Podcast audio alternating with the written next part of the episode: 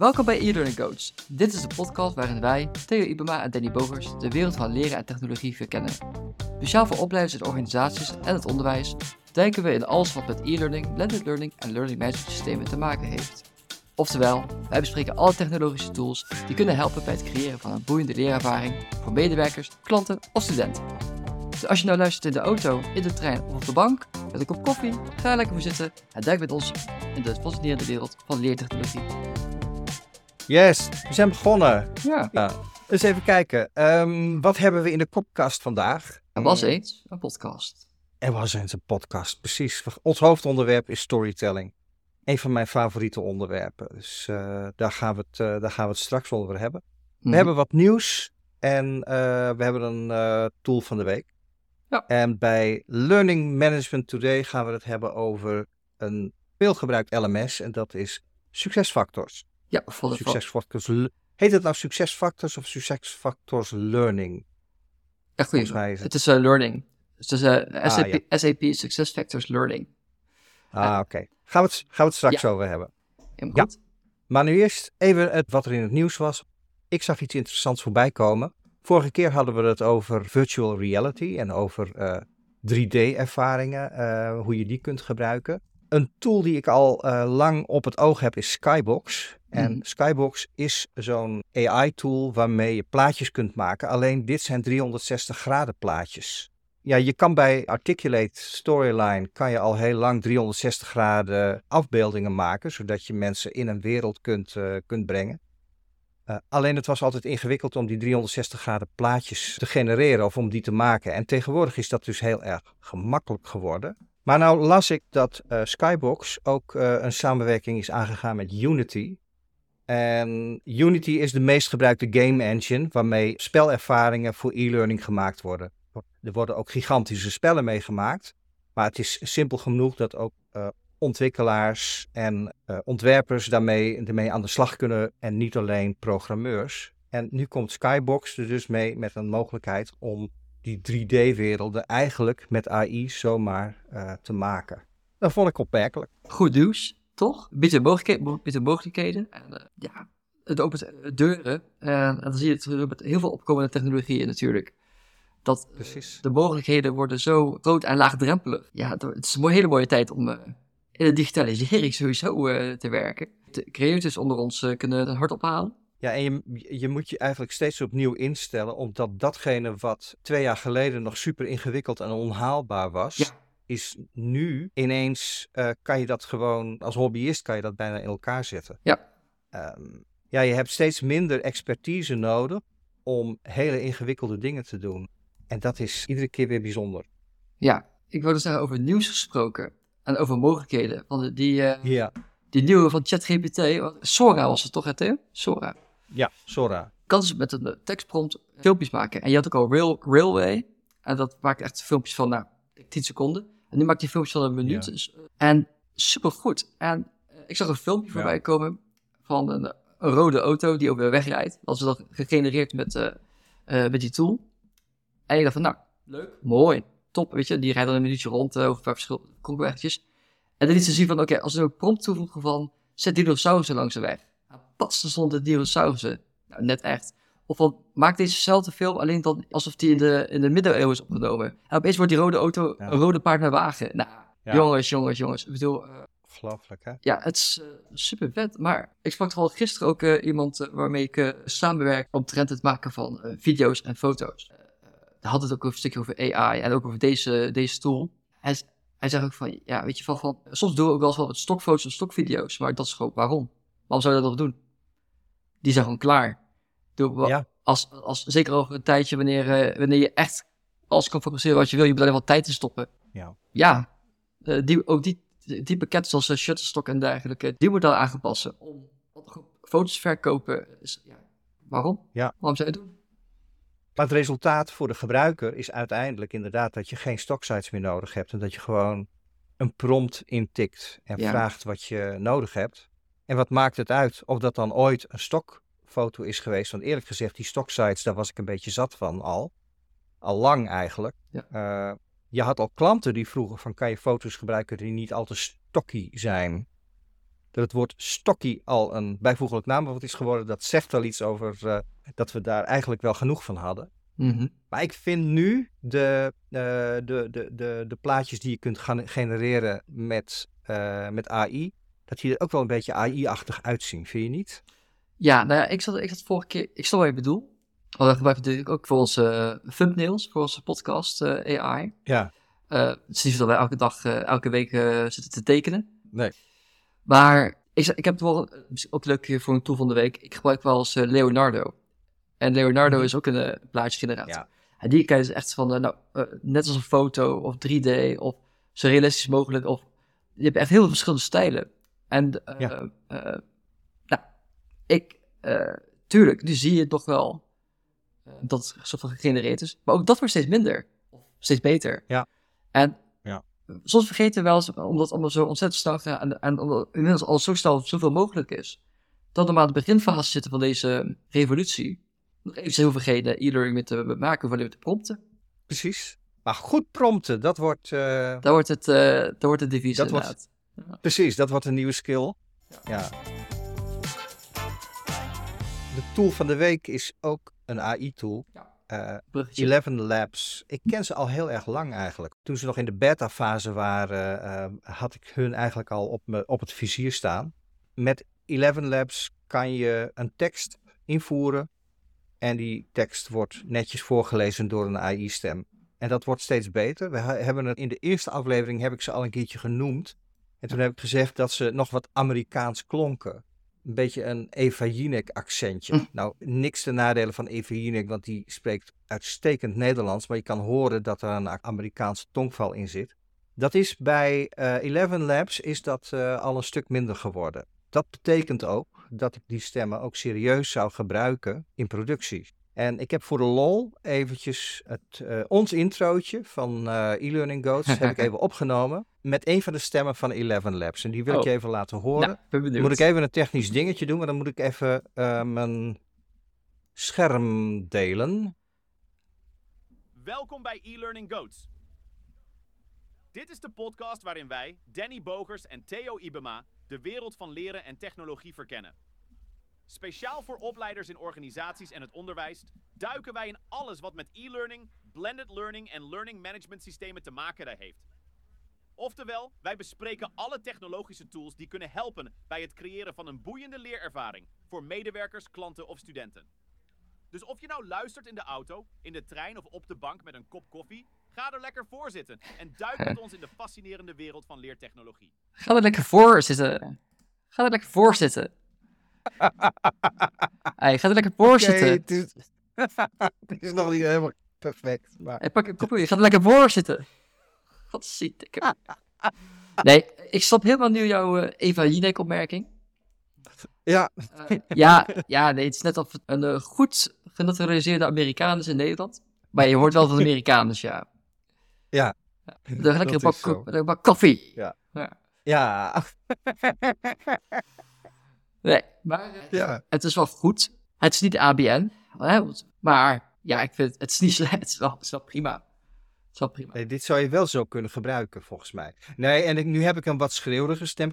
Ze hebben stemmen met allerlei intonaties. Dus ze hebben uh, um, uh, hele rustige stemmen. Uh, oh, ja. Ik dacht dat je gepropt had van de... Laat, maar ik laat hem heel enthousiast klinken. Hij gaat er lekker voor zitten. Dat, dat, Danny, is de volgende stap. Want deze AI kun je niet regisseren. Dus dat hij zegt voorzitten en dat hij die klemtoon verkeerd legt. Ja, je moet hem kunnen vragen van doe dat stukje even over. Ja. Volgens mij is dat de volgende stap waar we in terechtkomen. Ja, dat komt wel. Um, Ondertussen was er ook nieuws van uh, afgelopen week dat ook Articulate bezig is om AI-stemmen te verwerken in Storyline. Mm. En Storyline heeft dus ook al een Nederlandse AI-stem. Tot nu toe waren de stemmen van Storyline van zo lage kwaliteit ja, dat ik ze eigenlijk nog niet eens kon gebruiken. Nee. Ik heb de stem die ze nu voor uh, in het Nederlands hebben, de enige AI-stem is Laura. En ik heb Laura ook even gevraagd om onze leader in te spreken. Dus ik ga je ook Laura even laten horen. Welkom bij e-learning Goats. Dit is de podcast waarin wij, Danny Bogers en Theo Ibema, de wereld van leren en technologie verkennen. Speciaal voor opleiders in organisaties en het onderwijs duiken wij in alles wat met e-learning, blended learning en learning management systemen te maken heeft. Oftewel, wij bespreken alle technologische tools die kunnen helpen bij het creëren van een boeiende leerervaring voor medewerkers, klanten of studenten.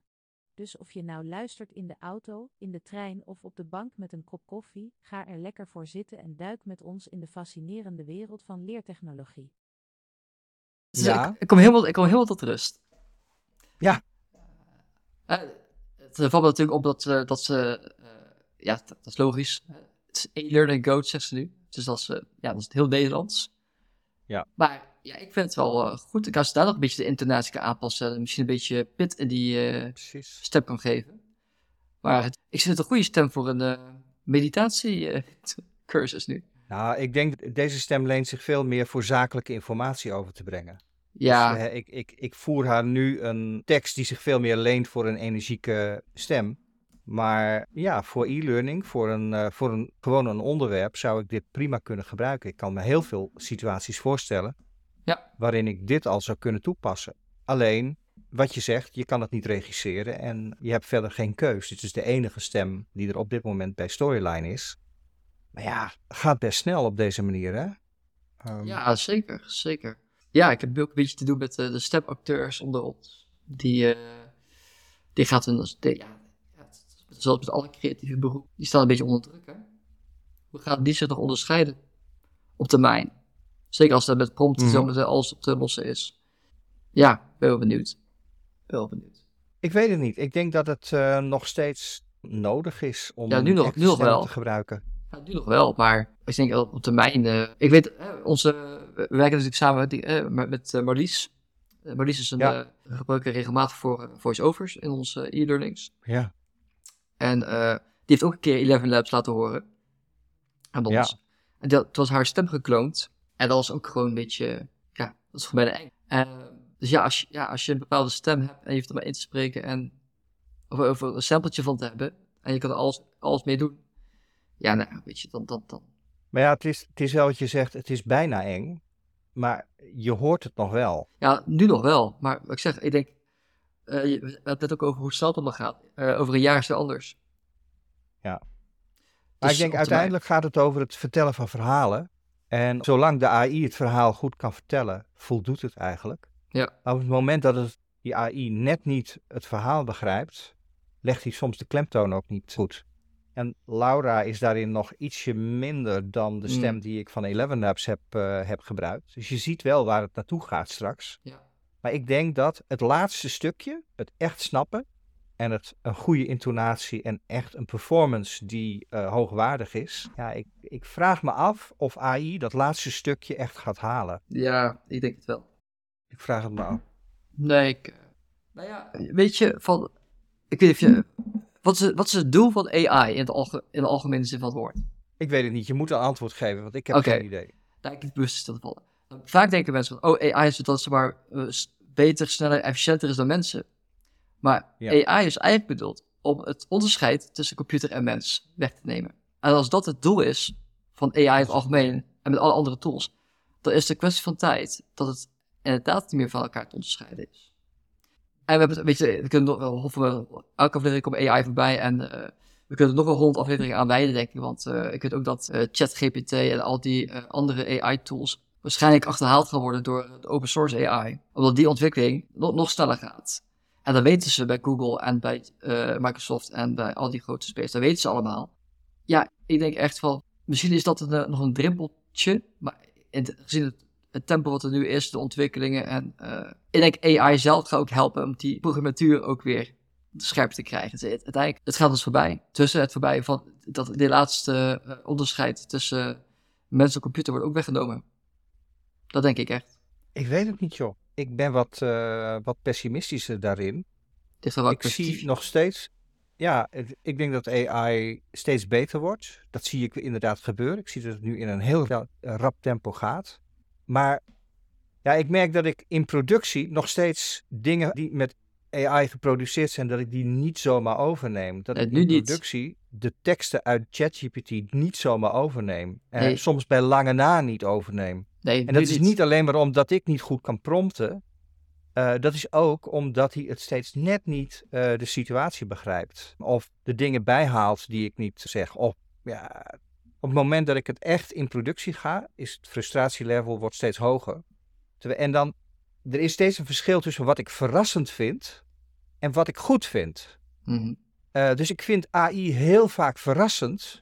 Maar uiteindelijk, als ik de beslissing moet nemen of ik het voor aan een klant presenteer, vind ik het niet goed genoeg. Ja. En om dat, dat stukje tussen verrassend en goed, om dat te overbruggen.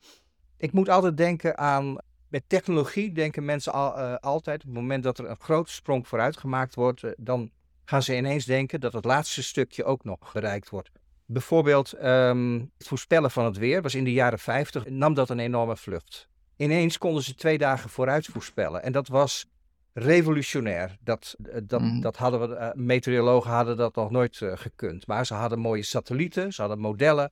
En ineens konden ze twee dagen vooruit voorspellen. Toen dachten ze, ja, we verwachten toch wel dat we over een paar jaar, dan kunnen we het we, uh, weer twee, drie weken vooruit voorspellen. Drie weken vooruit voorspellen, dat bestaat nog steeds niet. Waar ze achter kwamen, is dat er namelijk zoiets is als chaos. Daar is een hele tak van wiskunde uit ontstaan, namelijk chaostheorie. Ja. En eigenlijk wat ze ontdekten was dat ze niet dat laatste stukje konden overbruggen, maar een hele wiskunde om uit te leggen waarom ze dat laatste stukje niet konden overbruggen. Dus ik vind het een hele mooie uitspraak die je, die je er net aanhaalde. Dat AI niet bedoeld is om, um, hoe zei je dat? Om, om, te, om te perfectioneren, maar om, om, om te perfectioneren. Om menselijk het te worden. Ja. Het is bedoeld om menselijk te worden. En daarin zie je uh, dat het, volgens mij, dat het verrassend is wat we nu zien. Het is steeds opnieuw verrassend. Maar kan ik het onderscheid nog maken? Ja, volgens mij wel. En dat laatste stukje, I don't know. Ik durf er niet op te wedden. Nee, nee ik ook niet. Maar misschien de, onze luisteraars wel. Goed. Ja, laten we dat eens vragen. Ik hoop dat mensen daarop reageren. Ja, ja. Volgens mij wordt er de vloer met mij aangeveegd. Ik denk dat de meeste mensen op jouw hand zijn. Dat het straks uh, het onderscheid ja, niet meer te zeg het maar, beste luisteraars. Bij, bij team Theo, bij de verliezende partij dus, of bij, bij team Danny? Of team Danny, ja. Oké, okay. uh, we gaan naar het volgende onderwerp. Ja, zullen wij een stukje learning management today doen? Learning management today, ja. Um, jij gaat wat uitleggen over Success Factors Learning. Ja, nou, we hebben vorige keer besproken inderdaad van dat ik uh, elke podcast een LMS eruit ga pikken, of in ieder geval regelmatig een LMS uit ga pikken, om die wat meer uit te lichten. Uh, ik heb deze keer gekozen voor uh, SAP Success Factors. En waarom is dat? Omdat ik daar heel veel mee werk, afgelopen jaren heel veel ervaring in heb. En ik vind dat ik daar een mening mag hebben. Dus daarom wil ik denk van, laat ik hier eens over babbelen. Leuk. Ja, ja, er zijn de meningen over verdeeld, over het LMS. Oh. Maar kijk, ik zal eerst beginnen waar het uh, LMS uh, heel goed in is. En het, is, het werkt als een tierenlier. Ik ben zelden bugs tegengekomen. Hm. Het doet wat het zegt wat het doet. En dat wil zeggen van, het is echt wel een heel puur LMS, een compleet LMS. En je kan eigenlijk alles in kwijt. Dus uh, e-learning, klassikale trainingen, competentiegericht leren, uh, jobrol leren, um, social learning, you name it, dat zit er zo'n beetje in. En anders uh, is het te krijgen. Uh, er zijn enorm veel rapportagemogelijkheden. En zeker nu, ze hebben het ook nu vanaf SAP Report Center. Dat is een module die je aan kan schaffen. Waardoor je dus, behalve de standaard rapportage, nog meer rapportage uit de database kan trekken omtrent learning. Dus ja, het is gewoon een heel fijn LMS qua mogelijkheden. Waar het wat minder goed op scoort, zijn dingen zoals uiterlijk. Je branding eraan toevoegen, nou, dat is zo beperkt. Daar ligt duidelijk niet de kracht. Je kan misschien een kleurtje aanpassen en een logootje toevoegen. Maar het wordt er niet mooier op. Laat daar even op houden. Het is eh, niet altijd even intuïtief voor gebruikers. Door de vele mogelijkheden. Kijk, als je bijvoorbeeld, eh, als het er in LMS zoals zo Moodle, dan kan je het wat makkelijker strippen en makkelijker vormgeven. Maar dat is SuccessFactors wat minder goed in. Maar als jij als bedrijf, organisatie veel SAP gebruikt, ja, het praat met elkaar. De, eh, de integratie tussen de verschillende uh, eh, SAP-modules is gewoon hartstikke goed. Er is bijna nooit gezeur over. Ook uh, trouwens, als je ook een ander HR-systeem wil koppelen aan bijvoorbeeld de SAP SuccessFactors, dan kan dat ook hoor. Dat is, met de API is dan geen probleem. Maar Mhm. het is gewoon, ik vind het echt een heel goed LMS. Want het doet wat het moet doen. Alleen in deze tijd van leren la- laagdrempeliger maken. In deze tijd waar wij allemaal ontzettend verwend zijn met hoor goede applicaties die heel erg intuïtief zijn, die goed strak vormgegeven zijn, met mooie websites, met eenvoudige tools zoals bijvoorbeeld een Canva, waar je heel makkelijk mee uit de voeten kan. dat al die eenvoud vind ik niet lekker terugkomen in, in success factors. Dus ik denk dat een, een goede keuze is voor bedrijven die een behoorlijk compleet aanbod hebben in de leeractiviteiten en eventueel een complex aanbod hebben in leeractiviteiten, want het is allemaal heel goed in te richten, die complexiteit. Dus het werkt als, het werkt als een tierenleer, maar het is niet heel erg oogstrelend. Dat is denk ik uh, de bottom line. Hm. Ja. Zou, zou je het aanraden als een klant verder geen SAP gebruikt? Uh, ik denk het niet zo snel, want wat ik, wat, wat ik ook merk bij onze klanten, onder andere, is, is dat zeker als men nog geen LMS heeft, dat men ook behalve de mogelijkheid op zoek is naar uh, dat makkelijk te integreren is met hun huidige branding. ja. Ik denk dat ik dit LMS zeker zou aanraden als het gaat om stabiliteit, security, uh, rapportagemogelijkheden en dan ik zeg, de complexiteit van jouw leeraanbod. Maar als jij uh, jouw leeraanbod niet zo complex is of je bent aan het opbouwen en je vindt het belangrijk dat, dat je jouw medewerkers of jouw lerenden meer geïntegreerd aanbod aanbieden van dat, dat ze niet per se een eigen intranet of een eigen werkomgeving willen verlaten, ja. dan zou ik zeggen, ja, kies dan iets wat een beetje wat meer naadlozer te integreren is met je huidige dingen. Dus het, het, het ik zou het niet afraden, want ik, zeg, ik, vind, ik ben echt wel fan, want ik, ik werk er veel mee en ik uh, ontzettend veel mogelijkheden. Maar je denkt, ja, wat vind je als uh, opdrachtgever belangrijk? Maar qua mogelijkheden, ja, ja super. Ja. Super, zeker. en als je nou in een bedrijf werkt waar succesfactors learning al geïmplementeerd is mm. en je zit er gewoon aan vast. Ja. Wat zijn dan de best practices die jij kan adviseren? Nou ja, daarin nog steeds het inrichten. Dat eigenlijk bij elk LMS natuurlijk. Van zorg dat je het eerst goed op papier hebt staan en dat je dan vertaalt. Samen met een goede partner. Uh, want er zijn wel een aantal SAP-partners die uh, je goed kunnen helpen met het inrichten van het LMS. En dat is, dat is gewoon een behoorlijke tijdsinvestering. Maar zorg dat je het eerst goed op papier hebt staan voordat je het meer gaat inrichten. Want daar heb ik ook wel ondervonden. Op het moment dat je het quick and dirty inricht en daarna complexiteit wil toevoegen, loop je echt te rommelen met leerresultaten, oude records, je kan beter proberen in één keer zo goed mogelijk in te richten. Zorg dat je van tevoren echt je huiswerk hebt gedaan daarin. Uh, hmm. Dus dat is zeker een, voornaamste aanbeveling. En verder zorg dat je leeraanbod binnen de configuratie van SuccessFactors zo laagdrempelig mogelijk wordt aangeboden. Probeer je leerbibliotheek en al die verschillende typen vormen van, van e-learning uh, herkenbaar te maken. Dat wil zeggen, zorg dat je met duidelijke symbolen of, of, of thumbnails werkt. Wat dan classroom training is, wat de e-learning is, wat de curricula, curricula is.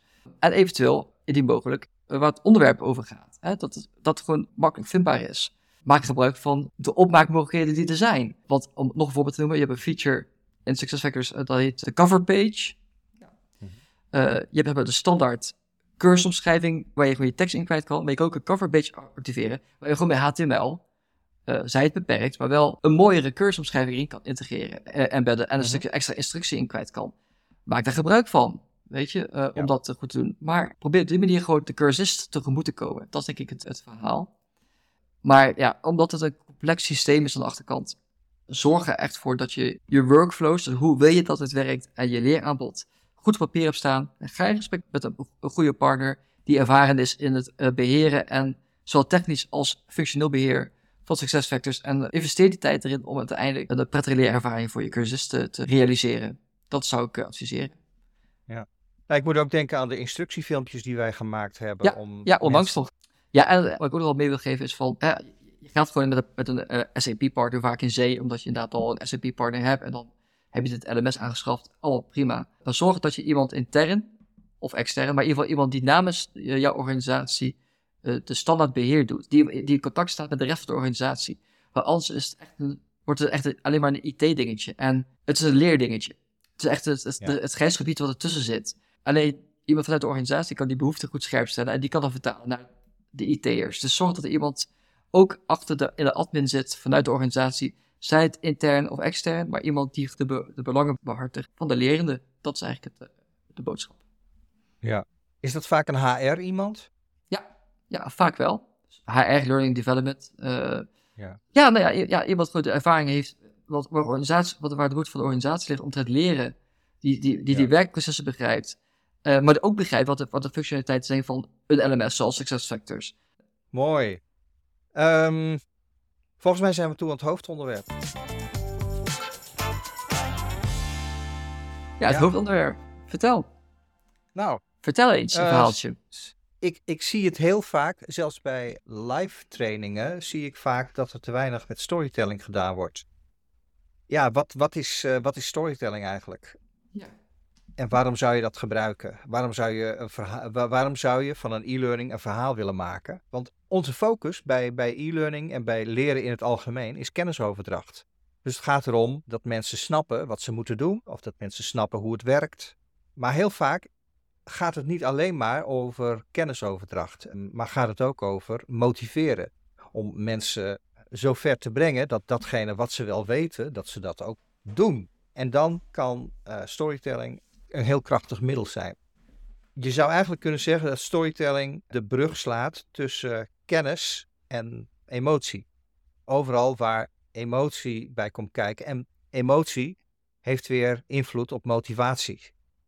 Dus je kunt mensen motiveren om bijvoorbeeld, ja, bijvoorbeeld bij compliance training. Compliance trainingen zijn super saai, maar op het moment dat je mensen kunt uh, meenemen in een verhaal waarom het belangrijk is, of wat er, kan gebeuren, wat er kan gebeuren als je je niet aan bepaalde procedures houdt, dan kan je laten zien waarom dat belangrijk is. En dan kan je mensen motiveren om dat gedrag te vertonen. Want uiteindelijk gaat het niet om de procedures, maar het gaat om de reden waarom we die procedures volgen. Bijvoorbeeld bij veiligheid zie je dat we uh, vaak verhalen gebruiken om te laten zien wat er kan gebeuren als het misgaat. Bij safety is de crux dat het gaat te weinig vaak mis, waardoor, waardoor het gedrag verslapt. En door het verhaal te vertellen, door te laten zien wat er precies gebeurt, wat de consequenties zijn, op het moment dat het misgaat, kun je mensen meenemen in het verhaal waarom, waarom het belangrijk is, waarom het moet. Maar er zijn andere momenten waarop je ook verhalen kunt vertellen. Bijvoorbeeld als je iemand wil motiveren, zeker in deze tijd is dat heel belangrijk, om lang bij jouw bedrijf te blijven. Dus om loyaliteit op te bouwen. Ja. Nou, hoe doe je dat bij iemand die nog maar net bij jouw bedrijf binnenkomt en waarvan je verwacht dat hij misschien twee, drie jaar blijft? Hoe kan je die motiveren? Nou, door bijvoorbeeld het verhaal van jouw bedrijf te vertellen, door te vertellen hoe het bedrijf is ontstaan. Wij zijn laatst bij een bedrijf geweest, wat ik een heel mooi voorbeeld vond. Die hadden in de gang, het was, niet, en het was helemaal niet een, een, een hele brede gang of zo, maar die hadden in de gang hadden ze een tijdlijn uh, geschilderd waarin het verhaal van het bedrijf stap voor stap was uitgelegd. Van voor de oorlog tot en met nu. En je kon zo alle fases die ze hadden doorgemaakt. En die, daarin hadden ze ook steeds de link gelegd met wat wij goed kunnen en waarom we dat toen deden. En waarom we daar toen vanaf gestapt zijn en waarom we daar nu weer op terugkomen. En doordat je dat, dat verhaal laat zien, krijg je al meteen een band. Wij hadden als, wij kwamen daar als aannemers, kwamen we daar binnen als opdrachtaannemers. En wij kregen al meteen een band daardoor. Ja, klopt. Dus er zijn heel veel redenen waarom je dus een verhaal wil vertellen. En al op het moment dat je kennis gaat overdragen en je denkt echt het gaat alleen maar over kennis, stel jezelf dan de vraag waarom moeten deze mensen dit doen? Nou, weet je wat ik altijd, uh, ik wil als we het hebben storytelling en dat ja. ook nu het over hebben, het zijn twee dingen, maar het is wat ik zelf over kwijt was van, ik moet altijd denken aan mijn geschiedenisdocent van vroeger, meneer Cox, die ging zitten in de les en die begon gewoon te praten. En die kon heel mooi vertellen. Hij heeft over, over de oudheid en over uh, verzamelaars en de horigen. En wat er gebeurt natuurlijk, eh, met, dat je, je gaat in het verhaal, je visualiseert dat in je hoofd. Ik vind uh, storytelling, als dat goed gebeurt, dat zorgt er behalve dan dat je een soort van gevoel en erbij krijgt, maar ook al die, alles wat je moet onthouden, omdat boeiende gebracht wordt, maar ook al in het verhaal allerlei kapstokjes voorbij komen. Hè? Dus op het moment dat bijvoorbeeld, uh, ja, je hebt het over veiligheid, maar als je het bijvoorbeeld hebt over uh, veilig oversteken. Weet je waar ik dan aan denk als veilig oversteken? Nou? Ja, je lag je, je, je, je kapot hoor. Aan Alfredje Dokus kwak. Want hoe is die zijn ouders, hoe, ouders, hoe is die zijn ouders verloren? Die zijn oh. aangereden. Oh. Snap je? En dat verhaal, en dan heb je ook gelijk een soort sympathie voor de figuur. En dan zie je dus, te, het wordt opgevoed door een mol. En dan, nou weet je, van dan, ik ben... En, Mooi voorbeeld. Ja, en dit, dit, is, ik heb heel erg, het is heel erg geleden Alfred Jokers kwak heb gezien trouwens. Dat zou binnenkort nog weer kunnen gebeuren, want mijn zoontje gaat een beetje die kant op qua leeftijd. Maar dat denk ik. En ik vind zelf, nu zit ik al sinds 2007 eigenlijk in de e-learning dat ook in e-learning, dat we ons te vaak verleiden door het, uh, naar het feitelijk te gaan en wat minder in de beleving. We zitten ons wel, vaak wel te bedenken aan wat, wat is de juiste eh, gebruikservaring, hoe kun, wat zijn de leuke, uh, goede en leuke leerinterventies, uh, hoe kunnen we het boeiend maken. Maar storytelling, als je daar begint met een goed verhaal, dan volgt de rest eigenlijk soort van natuurlijk vanzelf. Um, en misschien is dat wel een goede les sowieso voor iedereen die luistert, denk ik. Maar als je een goed verhaal hebt, dan boei je al je, degene die luistert of kijkt. En alles wat je daaraan ophangt, kapstokjes, KLE-interventie en dergelijke. Dat, het maakt het gewoon een stuk makkelijker te, om, het, uh, om dat te doen. Dus dat wil ik eigenlijk over uh, kwijt. Ja. En uh, hoe, hoe maak je nou een goed verhaal? Hoe zorg je nou voor dat iets een verhaal is? Daar heb ik een paar dingen over opgezocht en een paar dingen die ik daarover kwijt wil. Want wat is een verhaal? Een verhaal begint altijd met een hoofdpersoon die iets bijzonders doet, omdat hem iets overkomt of omdat hij iets wil bereiken. Dus een hoofdpersoon, dat betekent, je moet dus een hoofdpersoon kiezen.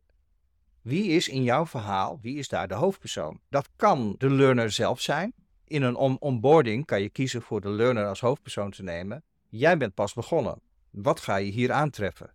Je kan ook als hoofdpersoon het team kiezen. Dus wij staan voor een bepaalde uitdaging. Wij moeten iets bijzonders doen.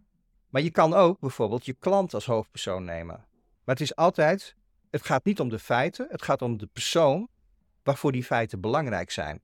En daar kan je altijd uh, naar zoeken. En dan moet die persoon iets bijzonders meemaken. Of die moet iets bijzonders gaan doen. Die persoon die komt voor keuzes te staan. Hè, het wel en niet doen. Dus met storytelling kun je mensen als het ware meenemen een stukje de toekomst in, consequenties laten zien en dan weer terug, uh, terugstappen. En dat, dat is eigenlijk wat we met scenario's ook doen. Dat we uh, mensen verschillende routes laten zien. Uh, maar het gaat altijd over een persoon die keuzes maakt. En die keuzes die moeten, die moeten ertoe doen, die moeten belangrijk zijn. Dus het is altijd, er was eens een mm. persoon die altijd dat en dat doet. Maar op een dag gebeurde er iets. Pas jij het veel toe in jouw uh, trainingen, Theo, die je ontwikkelt? Ik probeer het altijd. Ik laat me ook, maar ik ben zelf techneut genoeg om het te laten leiden door de feiten. Maar ik probeer altijd terug te gaan naar wat is hier het belang van? Wie is hier de hoofdpersoon? Ja, ik heb zelf momenteel iets van, we hebben natuurlijk, we doen ook een aantal projecten samen. Best wel wat. en ik denk ook bij mezelf van, joh, dat wist ik.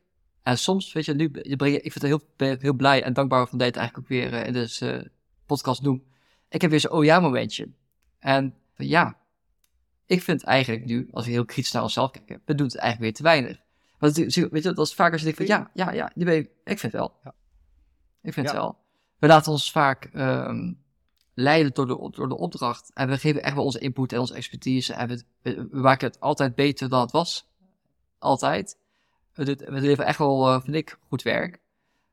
Maar ik denk van ja, dit is, dit is ook zoiets van uh, hoe het onszelf, maar ook gewoon voor de, voor de ja. doelgroep altijd nog beter kunnen maken. En, nou goed. Nou, ik, dat is, ik, ik voor mij is het gewoon een soort van ben, uh, eye-opener weer. Ja, dat, ik, ik moet je zeggen, ik ben er het meest scherp op als het gaat om trainingen die, waarbij het doel is om mensen te motiveren. Een voorbeeld is uh, de e-learning die we een keertje gemaakt hebben, een paar jaar geleden, over mantelzorg bijvoorbeeld. Ja, ja goed. Ja. Daar heb ik heel bewust de introductie geschreven vanuit wat jij kan doen. Van wat jouw rol is. Er zit op een gegeven moment een scenario in waarin een zorgmedewerker een gesprek aangaat.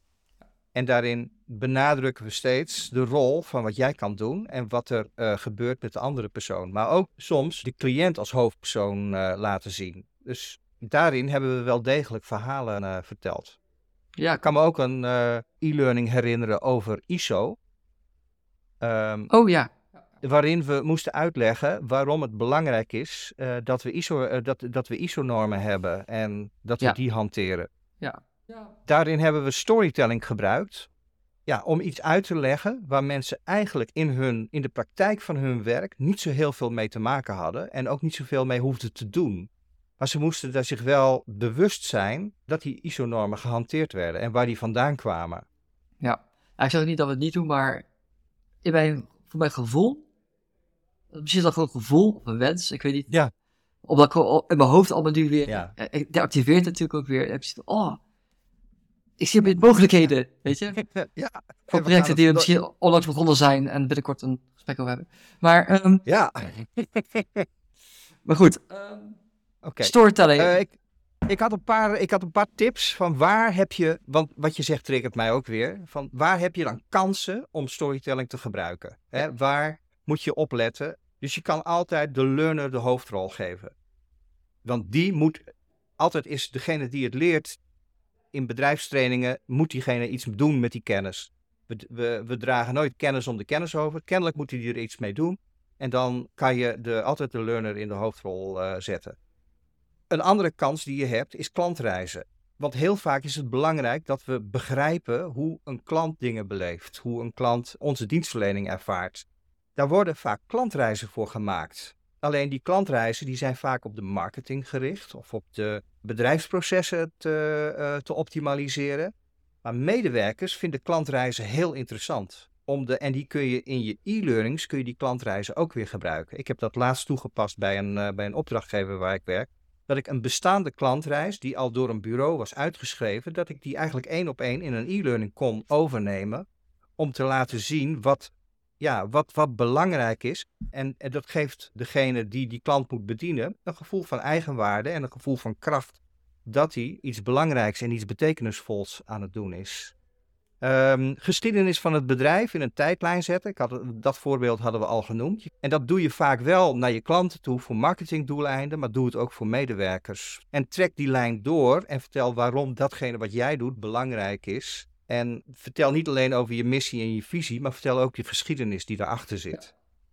We, je hebt ook kansen in als je casuïstiek gebruikt, casussen uitschrijven. Ik merk dat casussen vaak heel zakelijk uitgeschreven worden cliënt doet dat en dat, heeft dat en dat en heeft dat en dat. Maak er even een verhaaltje van.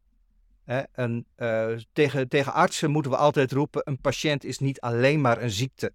Een patiënt is een mens die, iets, die een leven leidt en die iets meemaakt. Dus kleed je casussen uh, goed in. En een andere waar, uh, die ik tegenkwam is gebruik metaforen. Soms wil je gewoon een aantal feiten aan elkaar knopen en is er niet meteen een verhaal van te maken, maar je kan wel een metafoor gebruiken. Bijvoorbeeld het metafoor van een huis. Hè? Onze dienstverlening bestaat in de basis bestaat die uit dit en dit. En vervolgens het grootste deel daarvan, de, de middenverdieping, de begane grond, dat bestaat uit deze uh, dienstverlening. Dan hebben we het dak, dat zijn onze ambities, dat is waar we straks naartoe willen. Nou ja, noem het maar op. Maar op die manier kan je mensen ook door een plaatje te maken, krijg je weer haakjes, wat jij zei. Ja en dan is er misschien niet meteen een hoofdpersoon, maar er is wel een kader waarin je je, je informatie zo kunt plaatsen dat mensen het kunnen onthouden. Ja, ik zal het nou denken, misschien ook leuk om zo mee te geven, want uh, dat we niet denken per se van, je kan kiezen voor één verhaallijn, waar je zeg maar jouw onderwerp of onderwerpen kwijt kan.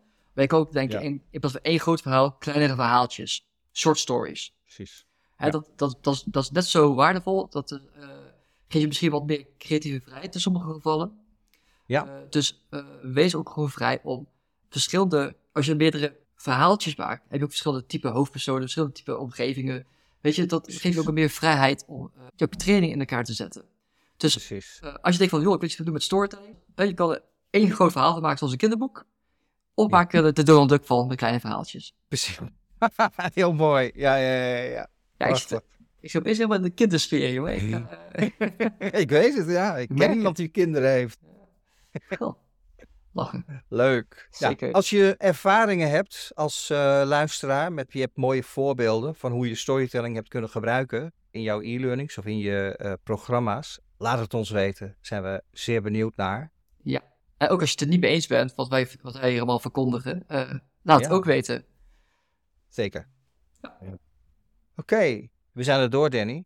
We zijn er weer doorheen. Ik ga de afsluiting doen. Ja, doe dat. Dit was e-learning Goats, een podcast van Danny Bogus en Theo Ibema. Over twee weken zijn we er weer met de volgende aflevering.